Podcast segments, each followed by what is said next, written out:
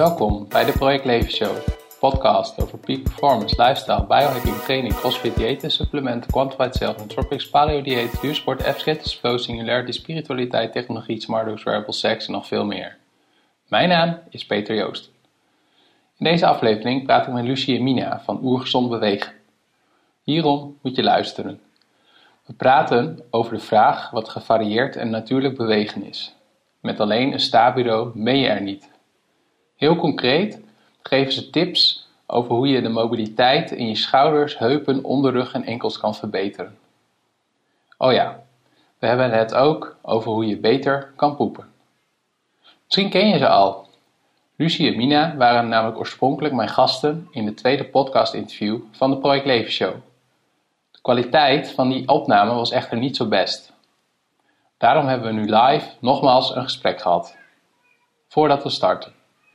Wil je meer weten over de Project Leven Show? Ga dan naar www.projectleven.nl slash podcast. De show notes van deze aflevering kun je vinden op www.projectleven.nl slash podcast-oergezond-bewegen. Daar kun je ook de eerste opname luisteren, als je er geen genoeg van kan krijgen. Abonneer je op mijn nieuwsbrief door te gaan naar www.projectleven.nl. Je krijgt dan updates, gratis downloads, exclusieve video's en korting op evenementen. De podcast werd mede mogelijk gemaakt door superlifestylesummit.nl. Lezingen en workshops voor en over een super lifestyle, zoals voeding, slaap, stress en sport. Kijk ook op superhumanbook.nl, waar ik al mijn tips, hacks en habits voor optimale prestaties heb gebundeld in een boek. Wat ik ook leuk vind, is als je een review op iTunes achterlaat. Here we go. Welkom bij de Project Leven Show. Vandaag de gasten Lucie en Mina van Oergezond Bewegen. Um, kunnen jullie jezelf kort introduceren? Wie zijn jullie? Oh, ik mag eerst. uh, mijn naam is Mina van Brunschot. Ik woon in Neerpelt in België. En ik ben uh, bewegingsspecialist, kan ik wel zeggen. Um, ik geef les, ik heb een eigen studio. En ik vind het hartstikke leuk als mensen zich beter voelen doordat ze mijn informatie kunnen toepassen in hun dagelijks leven. Oké, en ik ben Lucy. Uh, woon in Castricum. Ik kom uit Nieuw-Zeeland, dus misschien een accent dat ik niet, zelf niet hoor. Ik hoor alleen maar perfect Nederlands aan mijn mond komen. Dus dat is heel interessant, hè? ja. En uh, ik heb een yogeschool. En doe ook uh, orgezond bewegen met Mine samen nu. Dus dat is de principes van Katie Bauman. En met hetzelfde doel als Mine, van met simpele oplossingen je leven gewoon veel makkelijker, prettiger en leuker te maken. Ja. Met lol. Met lol, dus dat is wel belangrijk. Ja. ja. Hey, en waar hebben jullie elkaar ontmoet?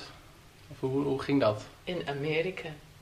Ja, en net voordat we naar onze examenweek gingen bij Katie, um, hebben we even gesproken met elkaar. En we waren meteen sisters from a different mister. we zijn ook meteen samen in een B&B uh, gegaan, of nee, in een uh, appartementje hadden we. En het, klikte meteen. Dus uh, ja, het was in 2012 hè, dat we ons examen gingen doen. In Californië? Mm -mm. Oh, mooi. Ja, maar, mooi. maar het was niet warm. We hebben nee, regen gehad. Ja, ja. Bijna sneeuw gehad. Ja. En uh, dat was een online uh, cursus die je kon doen van Katie Bouwen? Ja, klopt. Oké, okay, misschien goed om voor de luisteraars om Katie Bouwen ook te, eerst te introduceren. wie van jullie kan daar, kan daar wat over vertellen? Ik. Katie Bomen is een um, uh, biomechanicus. En ze heeft een pro programma ontwikkeld om mensen de bewegingsvoedingsstoffen, nutriënten te geven die we missen als uh, zittende populatie. Hè. We doen niet meer veel aan gevarieerde beweging. En um, door je celletjes, door die bewegingen weer de voeding te geven, voel je je een stuk beter. Je cellen regenereren op het goede tempo en ook op de juiste manier. Um, doorstroming van je bloed, lymfe en elektriciteit door je lijf verbetert. Je, maakt, um, je doet eigenlijk simpele oefeningen en je kunt ze makkelijk integreren in je dagelijks leven. Je moet alleen even weten hoe en daar kunnen wij jou bij helpen. En zij is ook uh, heel bekend geworden eigenlijk toen ze deed een... Uh een blog met Mama Sweat. En dat ging over um, voor zwangere en um, na de bevalling van allerlei eh, pelvic floor issues eigenlijk van vrouwen.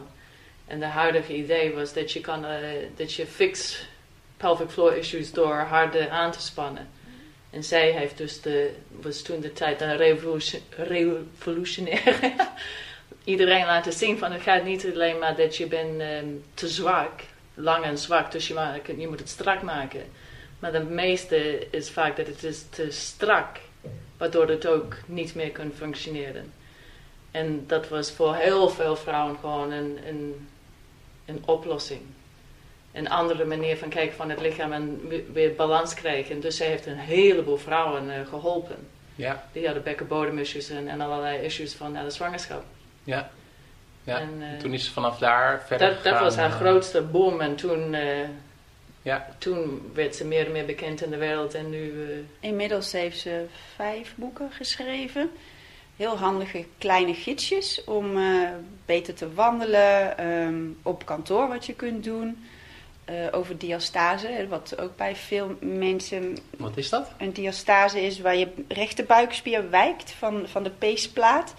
En komt vaak voor eh, bij eh, zwangere vrouwen, maar ook mensen met overgewicht bijvoorbeeld. mannen met beerbuiken. Mannen met bierbuiken. Ja, die luisteren niet zoveel. Nou, je weet het nooit. Dus, maar iedereen kent wel een man Ja, met een bierbuik. Ja, En, eh, of twee. En ehm, die... Sorry. nou krijg ik de slappe lach.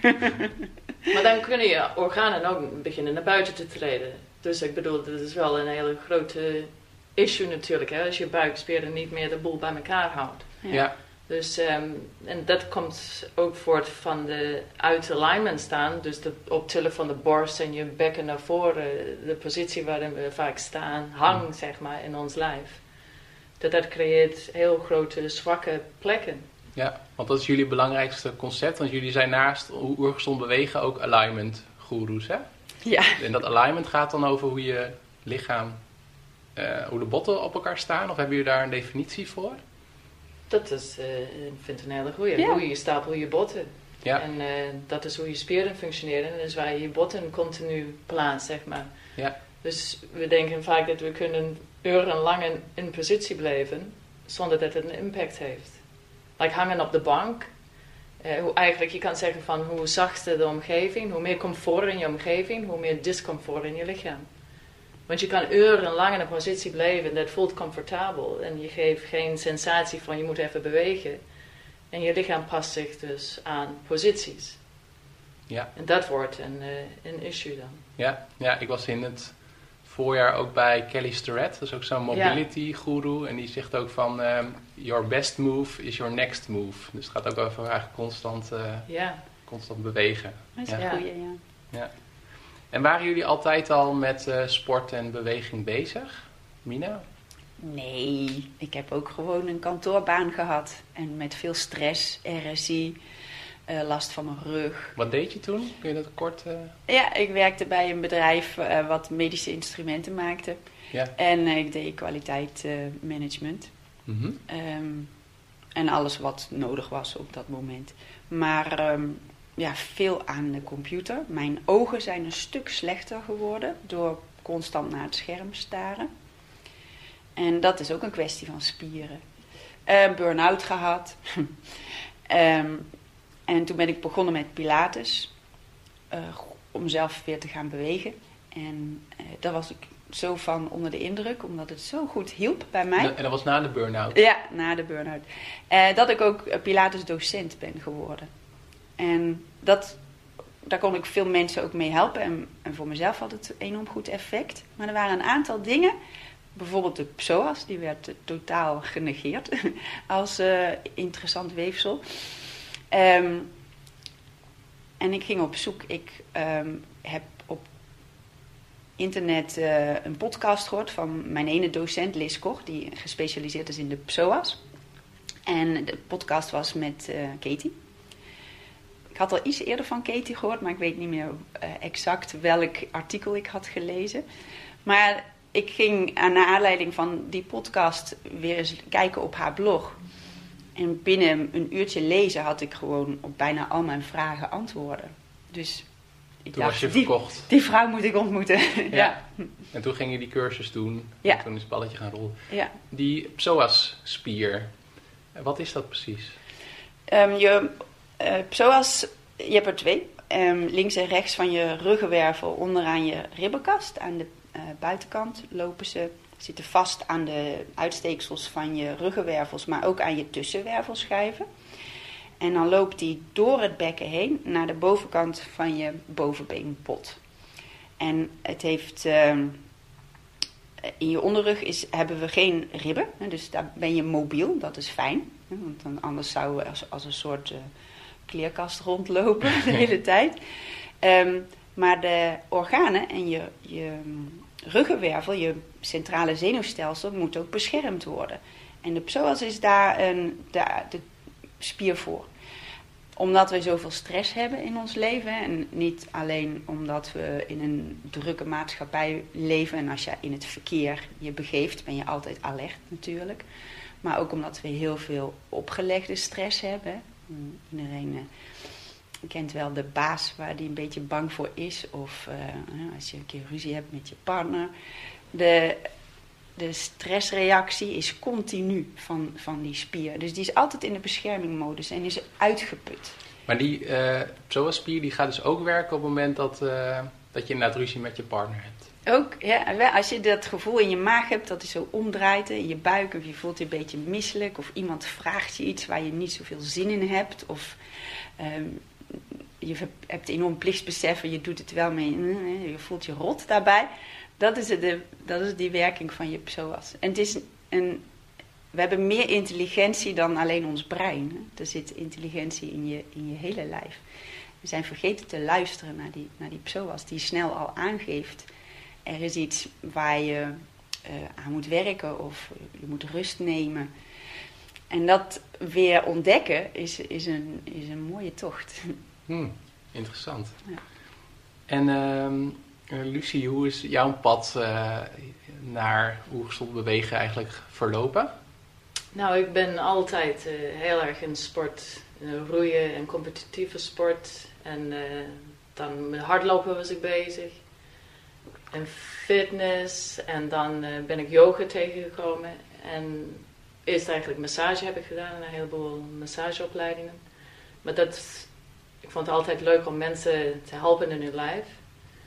En dat was het niet, vond ik, met massage. Dus ging ik uh, met beweging, fitnessen en yoga. En dan um, werkte in de tuin, was ik in de tuin aan werken. Dezelfde podcast, dat zei net, uh, was ik aan het luisteren. En die Liz Koch, die had het over Katie. En dan heb ik nog een geluisterd die dag van David Berselli. Die doet uh, tension and trauma releasing exercises. Dat is ook gericht op de psoas.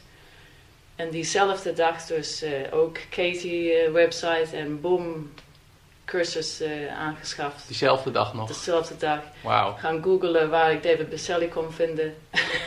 ja. Boom, dezelfde dag van ik ga daar ook in verder. Want die zijn twee van de, twee van de dingen in mijn leven die zijn ja, fantastisch. Echt fantastisch. En de Baselli, wat hij heeft uh, ook meegebracht, een heel simpel techniek om de, de psoas te laten trillen, je lichaam te weer laten trillen, om die spanning los te laten. Dat is een natuurlijk mechanisme van het lichaam. En hoe doe je dat? Ja, dat wil ik je laten zien. Maar dan doe je dus uh, vijf, zes oefeningen. Maar als je het, je lichaam weer leert het te doen, want het lichaam kent het wel. Hè? We zetten het vast. Bijvoorbeeld als je moet spreken voor een grote groep en je daar nerveus bent, dan gaat je handen trillen of je lijf gaat trillen en we zetten dat vast.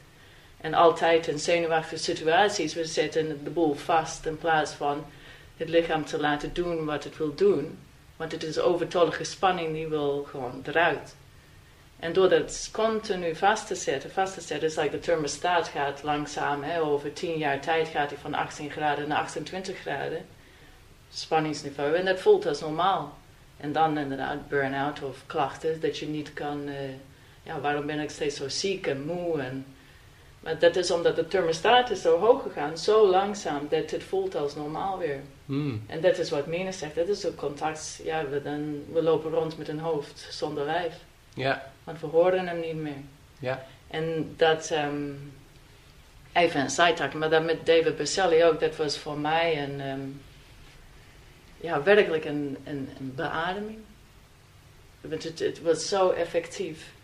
En, uh, en dat met uh, Katie's werk, ja, heel simpel kan je mensen tools geven om zelf uh, door te gaan. Ja, ja.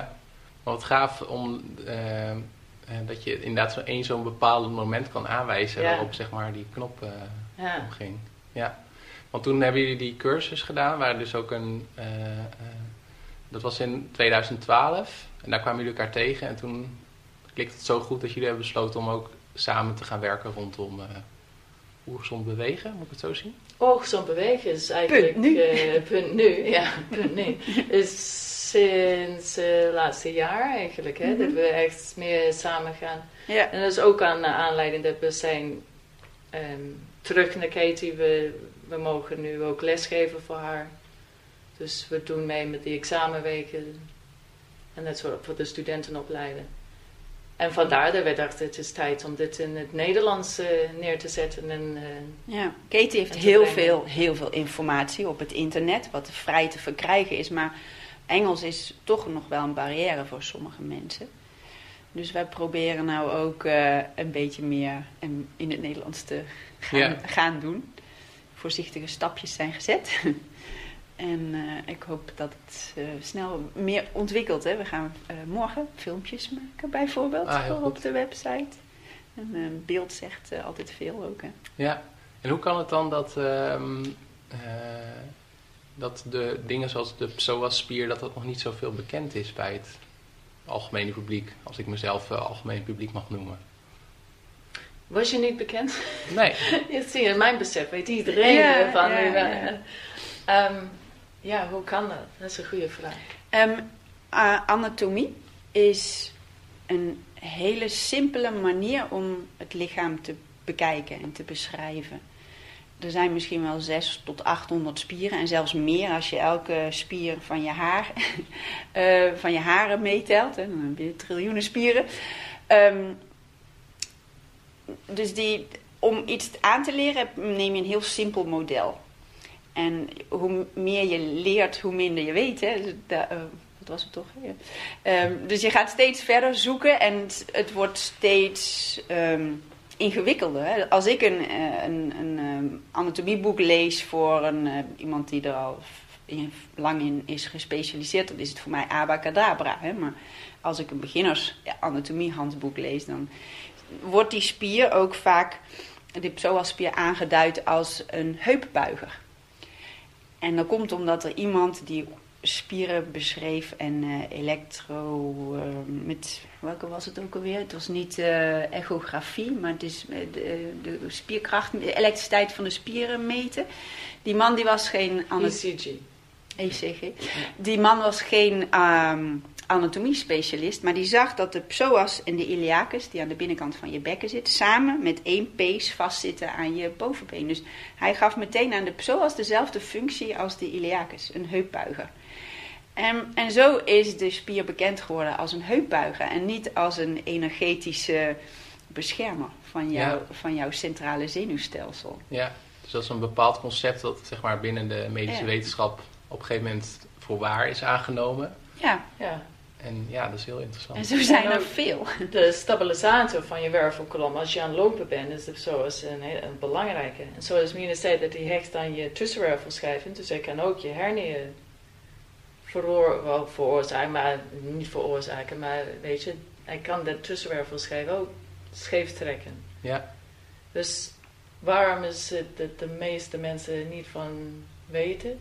Misschien is het ook omdat je hebt heel, ja, Katie doet veel mee. Liz Koch doet veel mee. David. David Baselli doet veel mee. Dus... Um, en natuurlijk hebben wij de westerse geneeskunde, die een beetje arrogant is. ja, want er moet overal een pilletje of een ingreep voor zijn. Maar ja, zo zijn die mensen ook getraind, hè? de artsen. Ik ben super blij dat ze er zijn, want als ze er niet waren, had ik al heel veel familie verloren. Hè? Ik bedoel, genoeg mensen zijn gered door een operatie of door een behandeling. Maar er is meer dan alleen maar sleutelen aan je lijf van buitenaf. Of, en een pil die je neemt De lijst met bijwerkingen is oneindig vaak, omdat het lichaam zo complex is. Niet zomaar te fixen op één manier. Wij doen die beweging en veel ontspanningstechnieken. Maar je hebt ook nog je voeding en waar woon je, hoeveel slaap je, ehm, hoeveel stress leg je jezelf op. Het is alles samen altijd, niet één dingetje. Ja. Maar ik denk ook omdat het is de, die drie mensen die we noemen, die beginnen het nu in de wereld te brengen. Ja. En de mensen die zijn daar aange, die wordt daar getrokken, daar naartoe getrokken om dat verder te brengen. Dus het is waarschijnlijk gewoon ook een beetje nieuw kennis. Nieuw kennis, oud nieuw kennis. Ja, want jullie merken wel dat het steeds populairder of steeds meer aandacht voor komt. Nou ja, ja. En ik weet wel dat mijn huisarts, die weet wel over de BSO's en die, uh, die behandelt ook of, of stuurt door voor... Ja. Ja, dus dit wordt veel uh, bekender nu wel. Ja, wat ik heel boeiend vind is... Uh, we hebben het gehad over, uh, in het voorgesprek over mijn chip. Dus dat je dat soort dingen kan doen. Maar dat ik de laatste tijd ook veel merk dat er heel veel gratis dingen zijn. Zoals zonlicht en goed bewegen en ijs, ijs, ijs zwemmen. En, en dat is eigenlijk, ja, dat is allemaal gratis of relatief goedkoop. Maar het heeft al heel veel impact op je gezondheid. Ja. Dat vind ik wel fascinerend. Ik ben trouwens nu bezig met de Wim Hof uh, opleiding ook. Ah, oké. Ja. ja. Ja. dat past daar wel goed bij, denk ik. Ja, ja. ja. ja echt wel.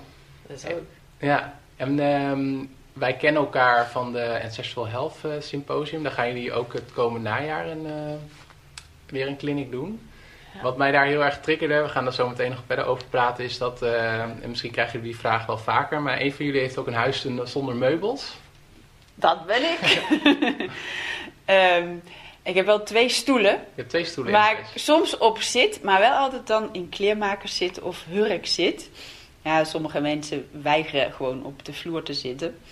Ehm, mm, maar ja, ik heb bijvoorbeeld nooit voor een pistol squat geoefend.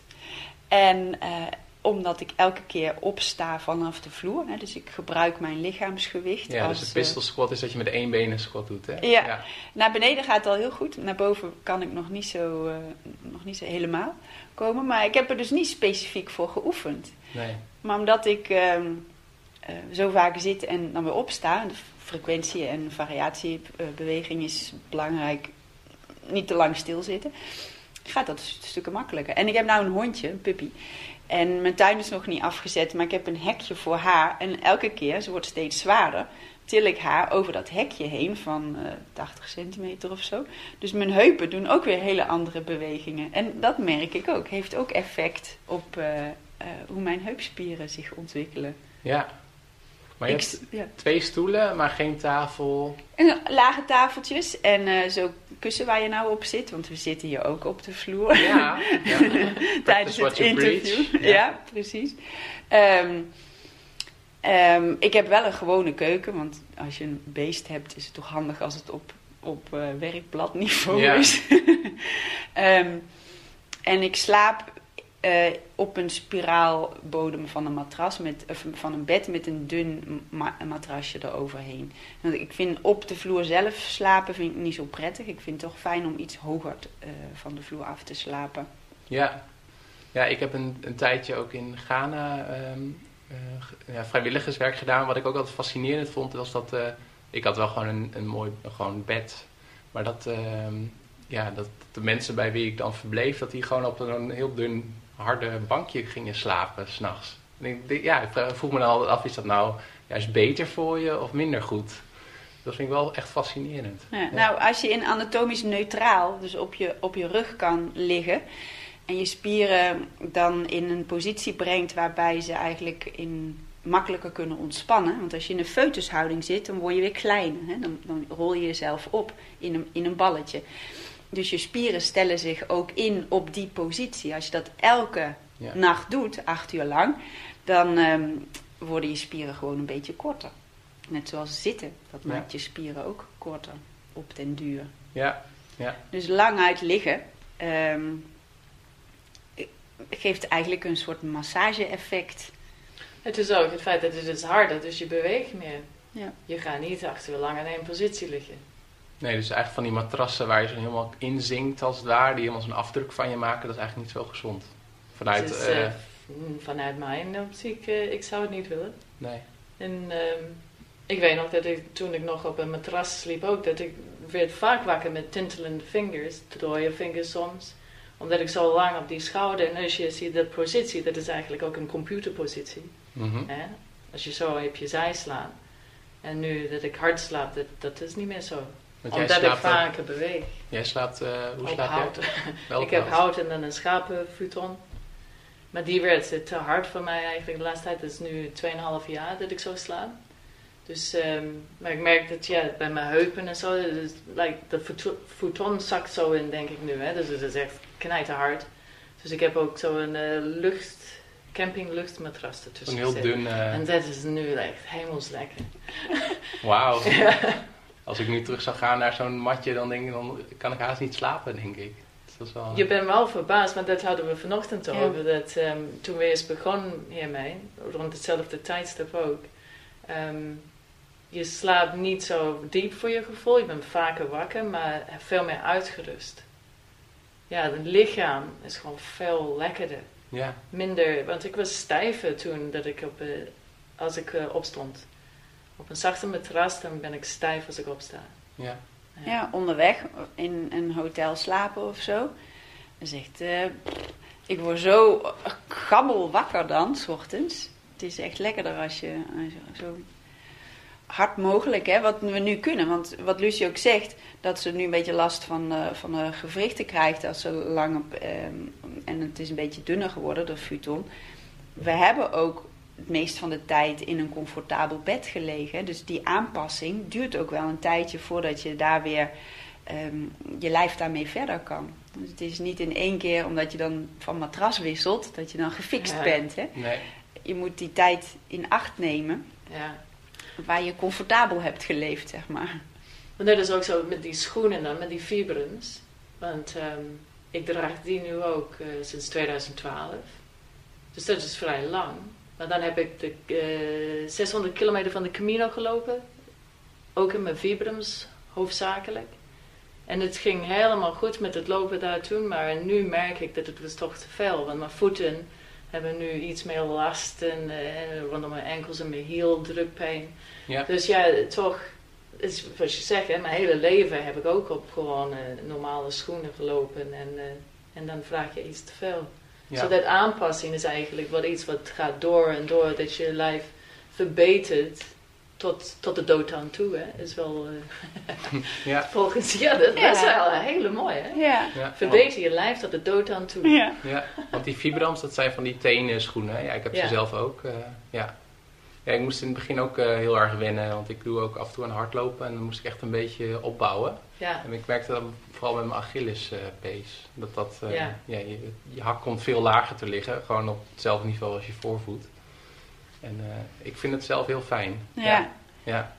En de Achillespeesblessure die je dan kan krijgen is omdat onze kuitspieren zo kort zijn geworden omdat we hakken hebben gedragen. En bijna elke schoen heeft een hak. En al, elk, elke millimeter die verschil is tussen de bal van de voet en de hiel geeft al een invloed op je spieren en je gewrichten. Want die hoek die je voetzool dan maakt met de vloer, die hoek komt ook terug in die, die aanpassing in de rest van je gewrichten. Dus het is niet gek dat we nekklachten krijgen of schouderklachten, rugpijn, kniepijn, heuppijn. Ja. Al die gewrichten worden door schoeisel beïnvloed. Ja, ik ben nog wel benieuwd. eh, eh, ja, krijg je ook gekke reacties als je vertelt dat je hard slaapt of dat je eh, twee, eh, twee stoelen in huis hebt? Of valt het wel mee? Nee, nee, het is, soms word je gewoon keihard uitgelachen.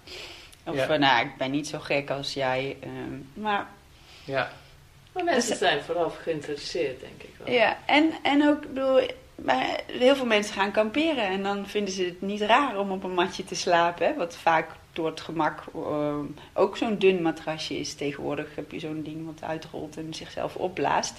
Op zich is het niet dik. Hè, dus iedereen die kampeert is het wel gewend. ja, ja, Dat is wel, en dan komt, komt het niet in ze op om het thuis ook te doen. ja. En vinden jullie, eh, vinden jullie dat wij in Nederland en België en überhaupt in de westerse maatschappij slecht bewegen? Ik denk dat Nederland is nog steeds best wel eh, goed bezig, omdat zoveel mensen fietsen. En dan ook daarbij, fietsen is wel een zittende positie.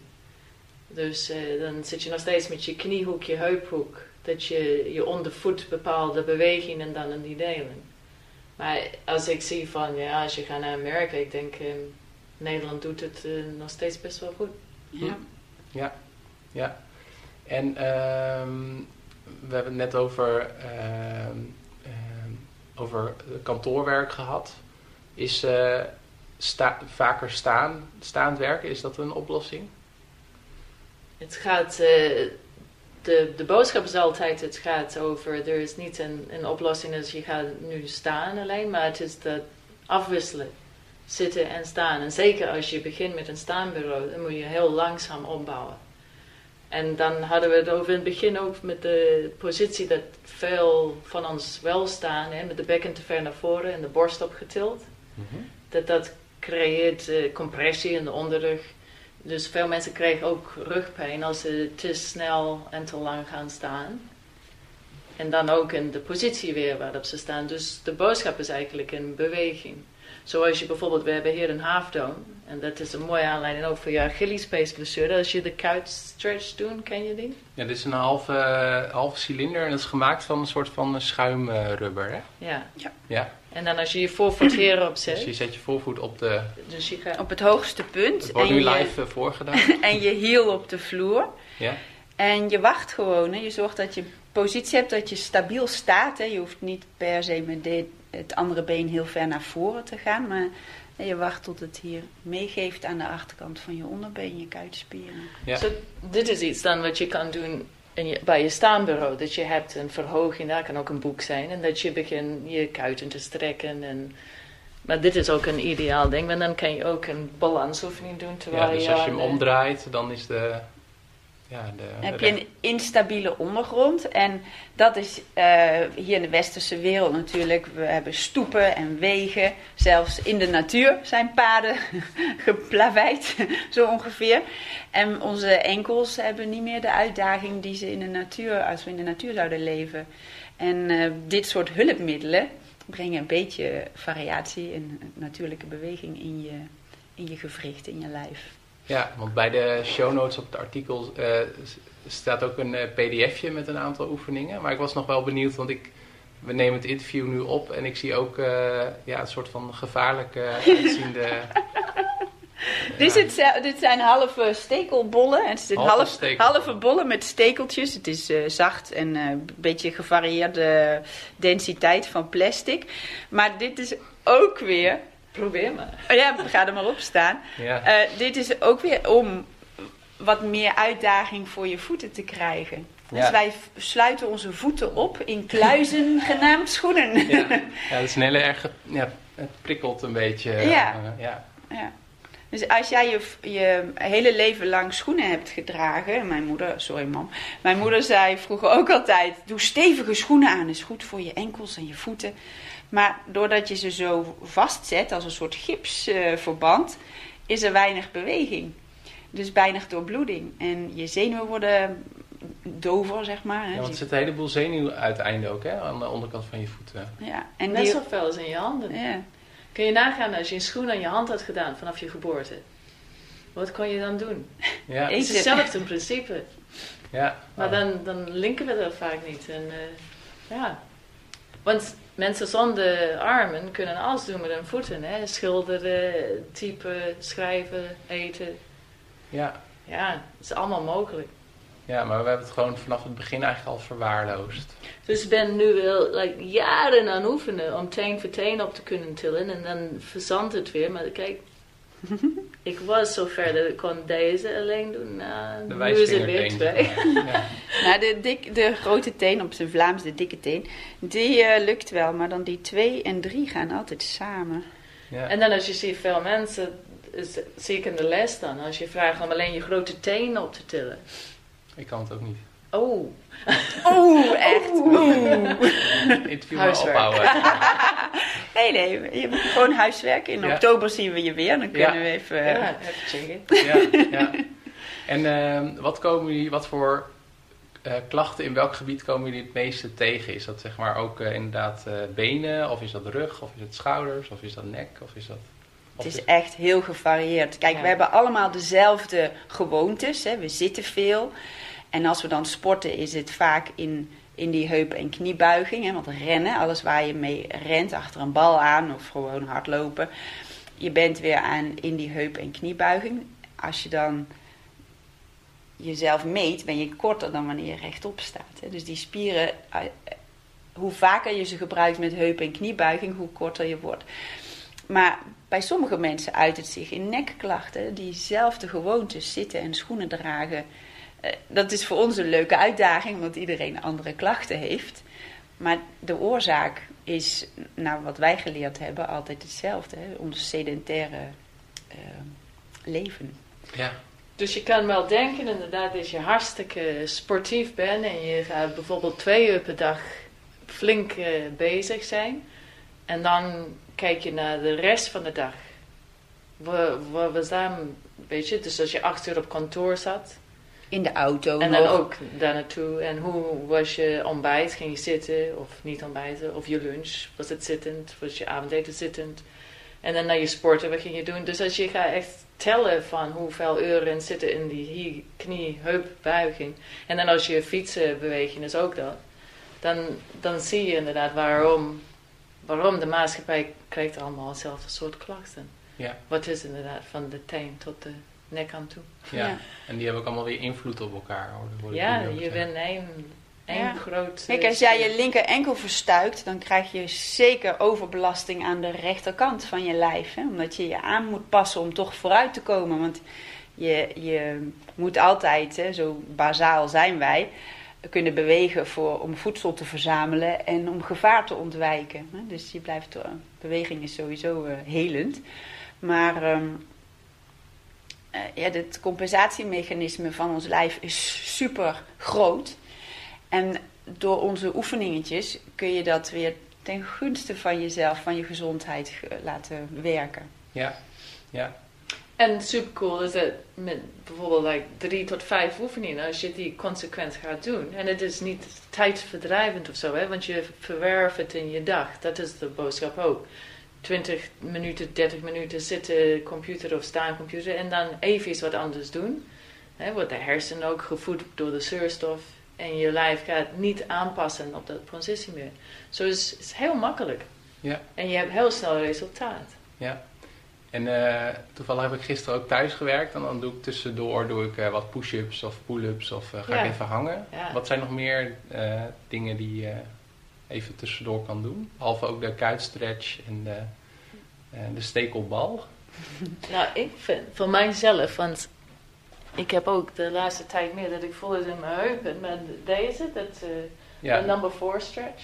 dus je gaat, eh, ja, hoe zou ik het omschrijven? Nou, je kunt het beginnen op de stoel. hè. Dus je Ja. gaat op het puntje van je stoel zitten. Ja, En je doet eh, van het ene been de enkel over de knie.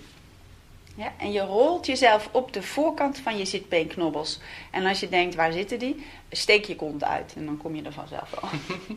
En deze zit wel op ons PDF wel, denk ik. Volgens mij wel. Ja. ja. ja, en dan voel je een stretch in je, En de in, in je buitenkant hamstrings of in je ook. belbilspier. Ja, ja, dus aan de buitenkant van je, van je heup voel je de strek. Misschien een beetje in je bil ook. Misschien de buitenkant De van buitenkant. het bovenbeen. Ja. Ja. En als je meer strek wil, leun je gewoon vanuit je heupgewricht. Hè, dus je bekken kantel je naar voren toe. Ja, Dan, heb je een beetje, dan haal je de aanhechtingspunten van de spieren verder uit elkaar. Dan strek je meer. Je strekt nooit totdat het gaat tintelen, want dan heb je geen doorbloeding meer in je, in je spieren. dus je- de, de dat is wel belangrijk. Ja, dus de mensen, en ik ben er zelf één, ik denk dat die ook wel luisteren naar deze podcast, die dan gelijk denken van oké, ik ga even knallen en eh, even Ja. voluit rekken. Dat is niet, eh Nee, niet de nee, bedoeling. het is eh, niet no pain, no gain. Het is eh, no fun, no game. Het moet wel leuk blijven. Oké, ja. Dus dat is wel echt een belangrijk uitgangspunt. Dat je niet... eh, nog- Ja, dat heb ik ook heel eh, gewaardeerd wat ik heb geleerd van Katie. Is dat eh, het gaat niet over, I mean, loslaten is anders dan rekken. Met rekken dan ga je in de elasticiteit van de spierweefsel. Dus je, je rekt hem even uit en dan ga je verder en hij, en hij komt gewoon terug hetzelfde lengte.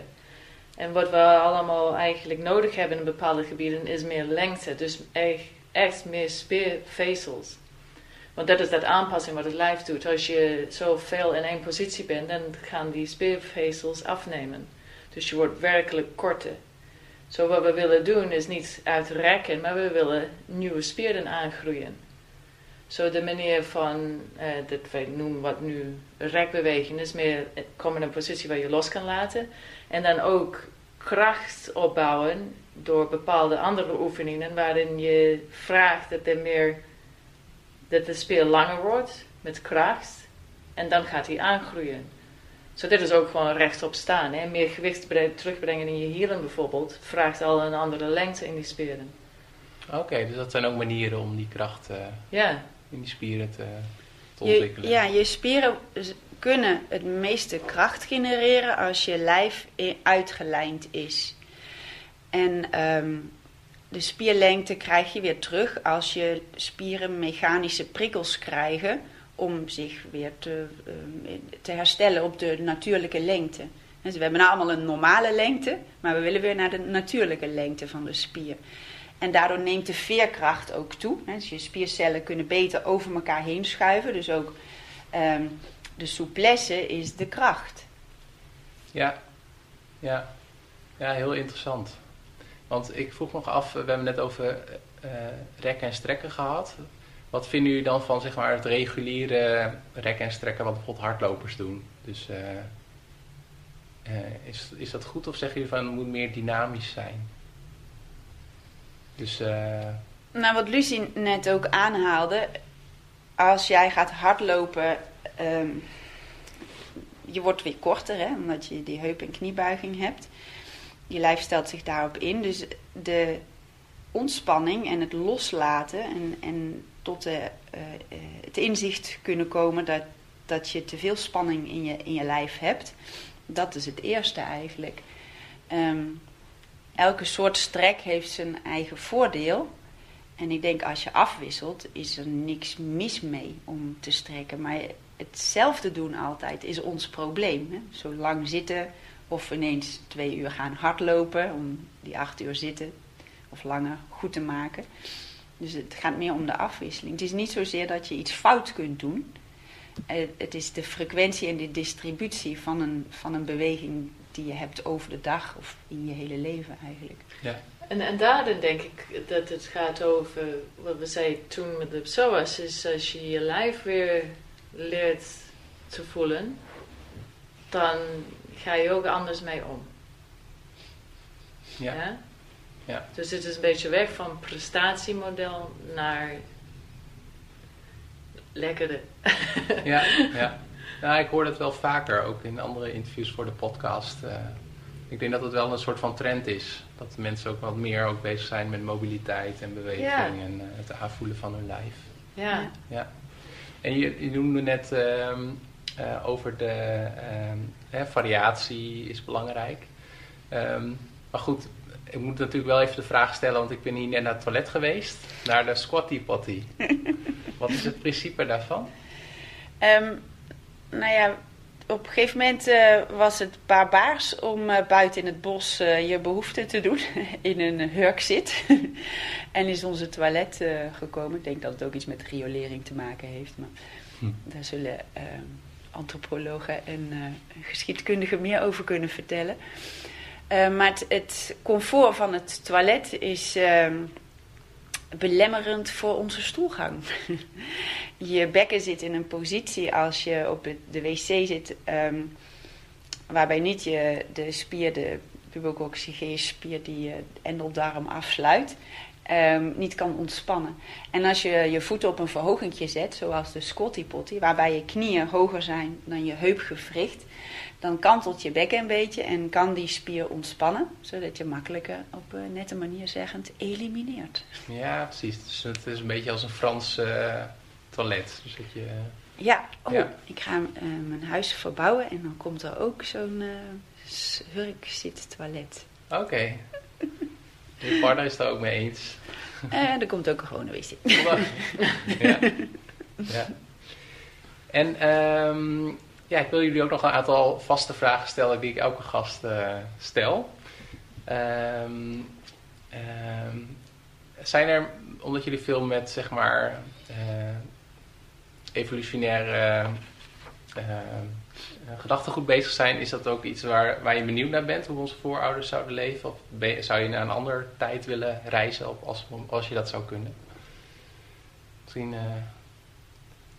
weet jij het antwoord? Ja, ik was daar dan over nadenken. Ik vind, um, ja, dat zou wel heel, heel leuk zijn.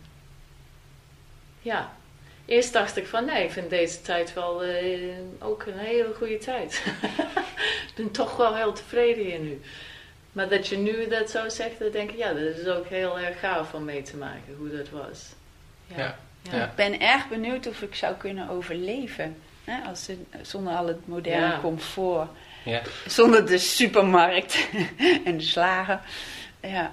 Ja, het mag wel warm zijn voor mij. Gewoon in een warm klimaat. Maar ik wil geen kakkerlakken. Ja. Niet te warm. en wat wilden jullie eigenlijk uh, vroeger worden? Mina, wat wilde jij vroeger? Nou, op de middelbare school heb ik nooit verder iets mee gedaan. Dacht ik, ik wil uitgever. Dat uh, leek me, omdat ik heel veel van lezen houd. En uh, boeken interessant vind. Maar... Uh, verder reed ik pony en wilde ik alleen maar mijn hele leven blijven paardrijden. ja, het is heel simpel. Lekker buiten. ja. En jij, Lucy? Ja, het was wel een beetje... Ik wil altijd de mensen helpen. Ik, eigenlijk, toen ik klein was had ik een raar idee over de, de wereld redden. Nu snap ik dat dat helemaal niet hoeft. Dus dat is wel een grote opluchting. Ja. Ja. Je schouders zien er ook veel gezonder uit. Ja, ja. En um, uh, nou, misschien voor jou, Minel, omdat je uitgever wilde worden. Ja. Hè? Wat is je favoriete boek? Naast die van Katie Bouwman natuurlijk. Ja, nou, haar boek is, heb ik verslonden. En nog, als je die dan weer leest, lees je weer iets anders. Stond dat de vorige keer er ook wel in. Maar um, um, ik, Roald Dahl vind ik echt fantastisch. Maar wat, wat me veel indruk heeft gemaakt is um, Elegie voor Iris van uh, de schrijfster Iris Murdoch. Door haar man geschreven. Um, het beschrijft haar aftakelingsproces door de ziekte van Alzheimer. En uh, ik denk dat we daar veel meer mee te maken gaan krijgen. En het zou ik denk voor, voor Nederland en België goed zijn als, als er ook net als in Duitsland sociale dienstplicht zou zijn. Dat iedereen een jaar van zijn leven of een deel daarvan tussen middelbare school en universiteit ook besteedt aan de zorg van hulpbehoevende mensen. Want het is zwaar als je iemand uh, moet afgeven zeg maar, aan uh, dementie.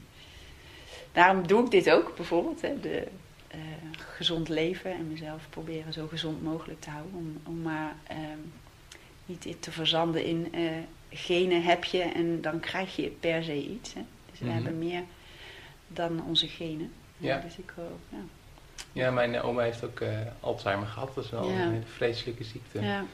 Ik vroeg me af, um, het is misschien een beetje een gekke vraag, maar wat je zei inderdaad van een gezond leven kan daar invloed op hebben. Maar geldt het ook voor er wordt steeds meer bekend over aandoeningen zoals Alzheimer. Denken jullie dat het ook, uh, uh, het is misschien een hele harde uitspraak, maar dat het ook te maken heeft met uh, de mate van bewegen? Ja, ja zeker.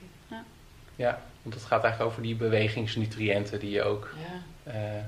Kijk, vroeger dachten ze inderdaad dat puzzels maken was goed voor je hersenen. Hè? Maar nu is het gewoon bewezen. Het is beweging. Dat is zo goed voor je hersenen. En daarom ook voor kinderen als we kijken nu van een schooltijd, hè, de, ook tekort aan beweging, is je Alzheimer, kan een vraagstuk zijn, begint het daar al door dat ondervoedende van beweging. Ja. Weet je, dat, dat zet al een trend voor de rest. Ja, ik denk dat dat heeft, ja, je hele leven heeft een impact on, van hoe je verder gaat. Ja. En daarin gezegd ook de ongelofelijke vermogen naar herstel weer. Dus alles, hè, je begint nu met een nieuwe levensstijl en, en je, je, je reaping the benefits already. Ja, dus, dus het is nooit te laat ook. Nee, en, en, en wie weet eigenlijk hoe het allemaal in elkaar zit en wat mogelijk is, hè? Want er wordt steeds meer en meer mogelijk. Ja, Ja. Dat is toch wel fantastisch. Ja, Ja. En er zijn natuurlijk geen garanties, hè, maar ik doe gewoon mijn best om, eh, om gezond te blijven. Hè. Je weet het nooit zeker natuurlijk, maar ehm, En, Ja, het voelt goed. ja, want ik vind wel interessant dat er inderdaad allerlei initiatieven zijn om eh, ook eh, kinderen staand les te geven. Ja. Of eh, Buiten. buiten les geven. Ja. Ja. En ehm, wat doen jullie nog, wat, ehm, Mina, in eerste wat doe, wat doe jij dan nog meer om gezond te leven? Want je kan natuurlijk ook elke dag naar de McDonald's gaan en daarnaast wel gewoon alle mobiliteitsoefeningen doen. Eh, Ja, nou, ik heb, ben eerst begonnen met paleo voeding. Eh, nu ben ik iets minder strikt daarin. Maar eh, ik eet zo min mogelijk granen. Mhm. Brood is voor mij iets wat ik echt als tractatie eet. Ehm, ik heb net een croissantje gegeten als ontbijt met heel veel boter en lekkere jam. Maar dat is een uitzondering. Hè. Ik, ehm, in bewegen. eh, ik probeer mijn schermtijd te beperken. Zo mijn Facebook-verslaving af te bouwen. Ehm, op tijd naar bed. En vooral eh, gezellige en leuke mensen om je heen verzamelen. Hè. Die gemeenschap Ja. en is belangrijk voor je. De feedback van andere mensen. Ehm, of je nou eh, eh, stomme dingen doet of leuke dingen doet. Ja, de uitwisseling van ideeën en eh, eh, Ja, dus ervaringen. Dus jezelf constant blijven uitdagen. Dus sowieso, nou ja, eh, sociale contacten, maar ook eh, jezelf blijven uitdagen. En, eh, ja. Ja. nieuwe dingen leren. Ja. Ja. En voor jou, Lucie? Wat Buiten jij, bewegen. Ja, buiten bewegen. In de natuur. Natuur zijn. Je had een vraag. Ik weet niet of je gaat vragen, maar ik had het antwoord al. Want ik Nou, wilde delen. en dat was over eh, welke documentaire inspireert je de meest laatste tijd. En dat was de Animal Communicator. En eh Brittenbach, To Reconnect. En die wil ik even doorgeven, want dat vond ik zo gaaf. En dat is eh, de vermogen om telepathisch met eh, dieren en in de natuur te zijn. Dat we hebben dat vermogen. En zij heeft dat. Je kan dat zien. Het is echt waanzinnig mooi. En dat is ook wat zij zegt. Wil je dat meer en meer ontwikkelen? Dat kunnen we communiceren in de natuur. Ga de natuur in en wees stil. Ga luisteren. En ga daar met een intentie. En zie wat gebeurt. Bijvoorbeeld, zij heeft vogels die komen van in de wild en die gaan gewoon op haar schouder zitten. Hè? Ja, ja, dat is toch waanzinnig. Wauw. Dus ik ben aan oefenen met mijn hond al eh, aan Oh, ja. het praten. Zoals dat op eh, het programma op National Geographic, die hondenfluisteraar. Maar dan eh, iets nog extremer. Ja, het is, het is anders, want de, de hondenfluisteren, denk ik, ehm, is ook meer van een niveauverschil. En wat zij zegt ook, hè, wij als mensen hebben ons zeg maar boven de keten verplaatst op een hele onrealistische manier. En elke wezen op aarde heeft een intelligentie. En veel meer intelligent dan wat wij denken. Wat Ja. wij, eh, ja. Het is echt, het is super gaaf. dit. En het heet eh, Animal Communi- De Communicator. animal communicator, ja. Ja. Maar het is toch ook zo, als je twee plantjes hebt en de ene zeg je, goh, wat ben je een lelijk ding en eh, nou, ik vind je echt niet lekker of mooi. Of, en het andere plantje, dezelfde soort, zeg je, oh, ben je mooi. En dat daar echt verschil in is. Hè? Door de intentie die je hebt ten opzichte van, van dat plantje, dat het gewoon verandert. Dus stel je voor, als elke boer zo zijn voedsel zou, zijn, zijn oogst zou, zou behandelen. Dat zou toch geweldig zijn? Dan heb je tenminste altijd lekker smakende tomaten. ja, dus er is, nog eigenlijk heel veel wat we eigenlijk nog niet weten. Eigenlijk op dat intentie Nee, wat we niveau, vergeten zijn. niveau. Want door de overlevering en, en dat het... Hè, wetenschap is belangrijk, het moet bewezen Ja. worden. En je hoofd, hè, we moeten altijd maar denken en presteren. En CITO-toetsen en weet ik veel wat. Eh, je moet je diploma halen. Maar waar is dat gevoel, hè, wat zo belangrijk is? Dus ja. ja, dat is het weer. Meer herinneren, denk ik. Ja. Dus ik ben van plan om de meer en meer te herinneren. Dus Ja. de natuur is voor mij super belangrijk. Ja. ja. En heb jij ook nog een favoriet boek? Ja, inderdaad. Wel meer. De laatste favoriete boek, want het eh, gaat per maand, is dus eh, Letting Go bij David Hawkins. Loslaten. Waarom vond je dat een goed boek? Nou, dat is nog een eh, levensthema, is het loslaten van eh, conditionering, oude denkpatronen en eh, beperkingen. Om ja, toch, ik wil tot mijn volste potentie komen. Ja. Ja. En weg van inderdaad uh, gedachten, goed die ik continu herhaal, die het niet meer toedoet. Nee, maar dan moet je wel bewust zijn van inderdaad, wat zijn de, de conditionering die mij beperkt. En inderdaad, wat moet ik loslaten? Uh, nee, nee, dat, nee. Dat is de mooie van dit, van dit uh, boek Letting Go. Want het is, nee, het gaat over overgaven. En, en hij beschrijft het mooi. Hij, was, uh, hij leeft niet meer, maar hij was psychiater en, uh, en arts. En heeft een hele kliniek opgezet. En in ieder geval, hij heeft een, de Map of Consciousness opgezet. Dus hij beschrijft het proces heel, heel eenvoudig. Dus het wordt een heel eenvoudige iets. Net Niet als... in dat verhaal gaan van ja. dit of dat, of ik moet het uitzoeken leren losgaan, overgeven. Oh, dat zou ook echt wat voor mij zijn. Is prachtig, echt. Ja. En het is ook op Audible. Dus je kan het ook de natuur, maar dan kan je de natuur niet meer horen. Ja, ja, precies. Ah ja, je kunt niet alles in één keer gefixt krijgen, hè?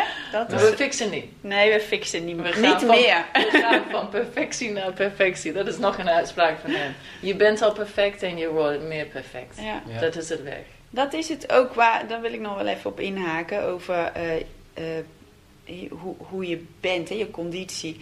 Je lijf is altijd in de best mogelijke conditie. Het doet wat jij vraagt. Als jij de hele tijd zit, stelt je lijf zich in op zitten. Ja, het wordt een perfecte zitten. Perfect zitten. Je bent geweldig in zitten geworden, een ster. Nou, dat is niet zo goed voor de rest van je lijf. Ja. en als je dan ineens heel hard gaat lopen, of, of ineens uh, veel gewicht gaat heffen of zo, dan zegt je lijf: Oké, we waren getraind voor, te, voor het zitten. Dit weet ik niet of dat gaat lukken. En dan kun je weer een blessure krijgen, bijvoorbeeld. Ja. Dus die, sim, die simplicity, die eenvoud van die David R. Hawkins, is ook in het bewegen van Katie Bowman's. Uh, ja ja. methode. Eigenlijk. Dat gaat eigenlijk over die nutriënten die je lichaam geeft. De prikkels of de... Ja, dat je weer terug gaat. Dus uh, hoe komt het dat je je niet lekker voelt? Omdat je te weinig gevarieerd beweegt. En het is eenvoudig, je moet het alleen even weten. Ja. En dat is leuk dat we dat op allerlei niveaus... We hebben op dinsdag een meditatieclubje via Skype want er zit ook iemand in Amerika, uh, dat je op allerlei niveaus, hè, we, we, lezen van alles samen en dan hebben we het erover, weer terugkomt naar die eenvoud en dat loslaten. Ja. Ja. Zoals Wim Hof zegt, hè, simplicity. Ja. Wat ik me nu bedenk waar we het helemaal niet over hebben gehad, is uh, over wandelen. Is dat ook iets, uh, want jullie hebben ook een, een kliniek gegeven, wandel je sexy. Ja. En gaat het dan over inderdaad barefoot of uh, wat is daarbij het belangrijkste principe? Well, eigenlijk was het de sexy stuk wat je kon terugkrijgen. Want als je kijkt nu, uh, als je gaat de straat op en begint de content te bekijken, dan ja. uh, is er best een beetje treurige ontwikkeling in content. Dat ze worden steeds kleiner. Want dat is weer dat impact van zitpositie van de heup als je heup is altijd een flexie, dan de extensie nodig voor lopen om een stap te nemen, is niet meer, je kan dat beweging niet meer maken. En je hebt dit extensie, dus dat de been je heup kan verlengen, heb je nodig om ook je, je kontspieren en je achterbeenspieren te gebruiken. Dus ons lopen is nu meer naar voren tillen van het been geworden, in plaats van naar achter te duwen. Oké. Ja, dus dan je kont verdwijnt en, en, en alle problemen van... Bekkenbodem, knieën, hè, dus alles wat er boven en onder zit, wordt daardoor beïnvloed. Dat is een heel groot iets, het ontbreken van wandelen. En je kan wel inderdaad hardlopen uh, geliefd zijn, maar wandelen, we hebben, het, het fysieke lichaam heeft wandelen nodig voor die bepaalde beweging. Hè? Je krijgt het niet met hardlopen bijvoorbeeld. Met hardlopen ben je efficiënt, um, met je ellebogen gebogen, hè, want dan kunnen je armen sneller voor je blijven. Maar wandelen doe je met gestrekte armen. Je trekt naar achteren tot je triceps, de achterkant van je bovenarm voelt aanspannen. Je laat naar voren los. En die tegengestelde beweging van de armzwaai is nodig om je ruggenwervel stabiel te houden. Want als jij met een arm of een been beweegt, dan reageert je romp daarop. En dan komen we naar onze volgende kliniek, de buikspieren. Dus als je met je armen en je benen beweegt, zouden je rompspieren, je buik en je rugspieren moeten reageren om je ruggenwervel stabiel te houden. Maar heel veel methodes zijn op gericht spieren aanspannen voordat je beweegt. Dus je, je, het is niet stabiliseren, maar vastzetten. Waardoor je weer souplesse, doorbloeding, eh, lymfewerking mist eigenlijk.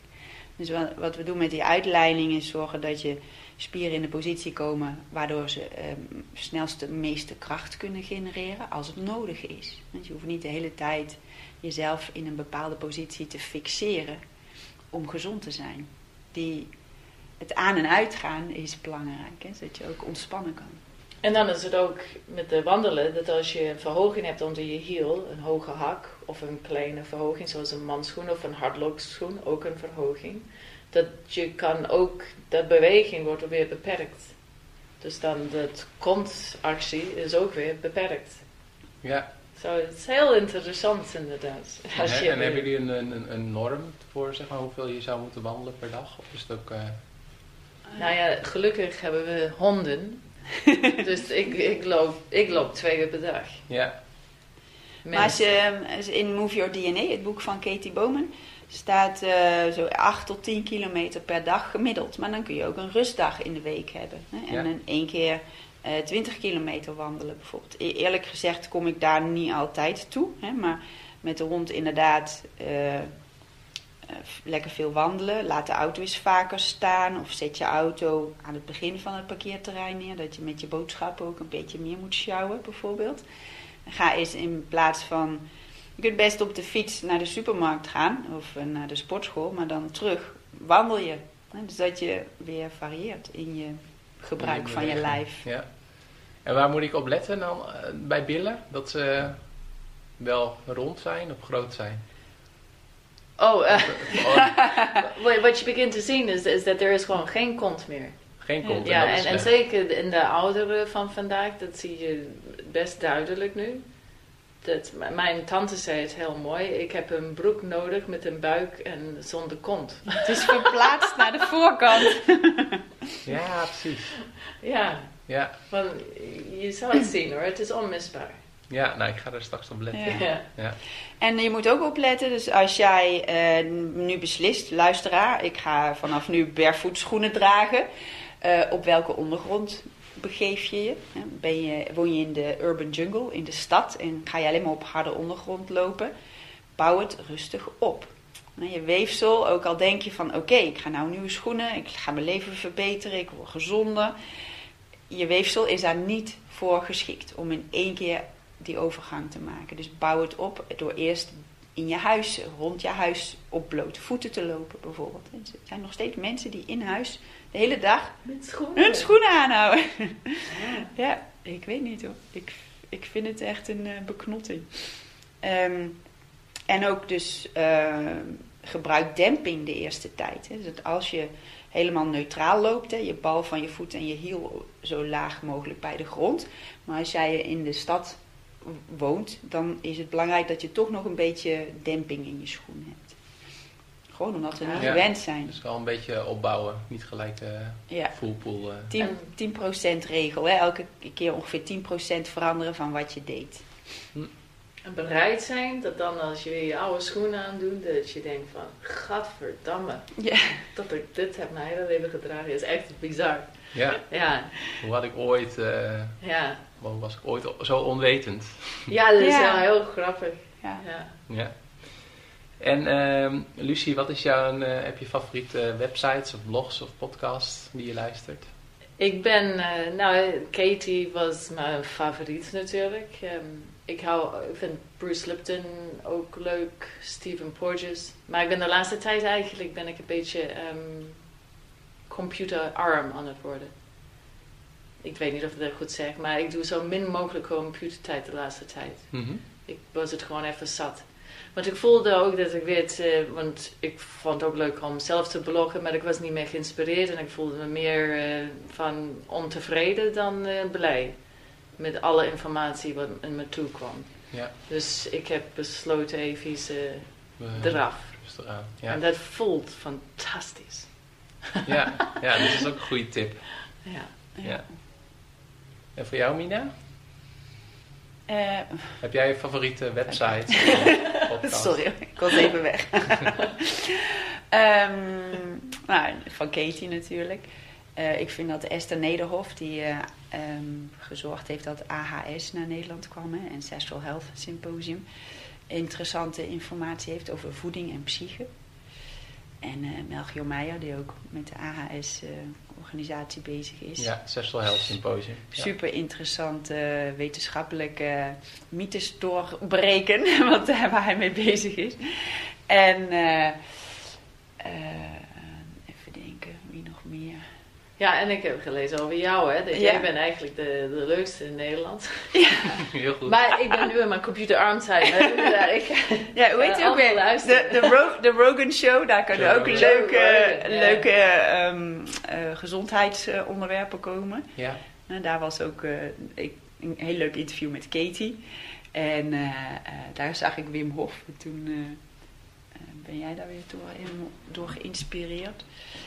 En eh, ja, in het Nederlands verder, ja, behalve jou, eh, leuke dingen, ja. valt het wel. ehm, En eh, behalve ehm, de oefeningen gaan doen die op de pdf staan eh, op de, bij de show notes. Wat zijn, als je mensen iets kan meegeven, ehm, wat zou dat dan nog zijn dat ze zouden moeten doen op het moment dat ze klaar zijn met luisteren van deze podcast? Lucy, wat zou dat wat jou betreft zijn? ik denk, ga naar buiten en ga aan een boom hangen. Of in een boom klimmen. Doe Ja. iets wat je deed eh, als een Ja. kind. En dat was gewoon hartstikke leuk. Ja. En als je eruit valt, is het niet mijn, eh, is niet mijn ding. Nee. Lees de kleine lettertjes Ja. onderaan deze podcast. En voor jou? Eh, nou, test jezelf eens door op de vloer te gaan zitten eh, zonder je handen te gebruiken. En ook weer op te staan zonder je handen te gebruiken. Er is een onderzoek van een eh, arts of Braziliaanse arts. fysiotherapeut. Ja. En ehm, als, het, als je veel steun nodig hebt van je handen, of ook dat je eh, kracht moet zetten met veel geluid, eh, dan zet je weer bepaalde spieren vast. Ehm, dan kan het zijn dat jij, vergeleken met je leeftijdgenoten, eerder doodgaat. Dus eh, gewoon geen stoelen meer gebruiken, meer zitten op de vloer en opstaan. Ja. Je moet het kunnen. Ja. Om, en je gebruikt dan ook weer meer vezeltjes van je lijf. Ja. En andere leuke test. Ga staan, doe je ogen dicht. Breng gewicht op één voet en duw daar stevig van af, zodat je met je andere voet een beetje van de vloer afkomt. En blijf een minuut staan. Met je ogen dicht. Ogen dicht. Ja. We zijn enorm ehm, visueel ingesteld. Hè? En onze voeten, als die optimaal functioneren, kunnen ze de vloer lezen voor je hersenen. En dan kunnen je hersenen weer de spieren aansturen die jou stabiel recht houden. En eh, ja, dat is een eh, interessant Ja, eh, Oké, dus twee testen op te doen. Ja. Ja, ja, leuk. Hebben, ehm, hebben we nog iets gemist in het interview? Dat jullie hebben voorbereid? Alles wel redelijk aan bod gekomen. Ja, ik vond het heel leuk. Ja. Ja. Superleuk. En ehm, ja, jullie hebben het al een eh, keer genoemd, maar waar zijn jullie te vinden op het eh, internet? Oorgezondbewegen.nu En dan jouw studio website. yoga2go.nl En de mijne is alignment www, want als je er niet bij zet gaat het niet goed. www.alignmentlab.eu En eh alignmentgurus.com Ja, voor het de- Engels. maar ja, Oorgezondbewegen. eeuwigzondbewegen.nu. Ja. Ja. Ja. Oké, nou Lucie en Minia, hartstikke bedankt voor het interview. Bedankt. ja, kei leuk man. Bedankt voor het luisteren naar de Project Leven Show. Wil je meer weten over de Project Leven Show? Ga dan naar www.projectleven.nl slash podcast. Show notes van deze aflevering kun je vinden op www.projectleven.nl slash podcast-oergezond-bewegen. Zoals gezegd, daar vind je ook nog steeds de eerste opname met Lucie en Minja terug.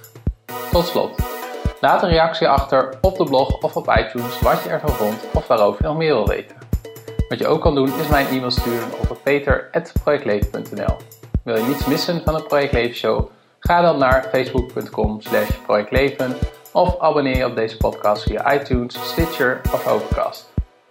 Abonneer je op mijn nieuwsbrief door te gaan naar www.vanikleven.nl. Je krijgt dan updates, gratis downloads, exclusieve video's en korting op evenementen. De podcast werd mede mogelijk gemaakt door superlifestylesummit.nl. Lezingen en workshops voor en over een super lifestyle, zoals voeding, slaap, stress en sport. Kijk ook op superhumanbook.nl waarin ik al mijn tips, hacks en habits voor optimale prestaties heb gebundeld in een boek.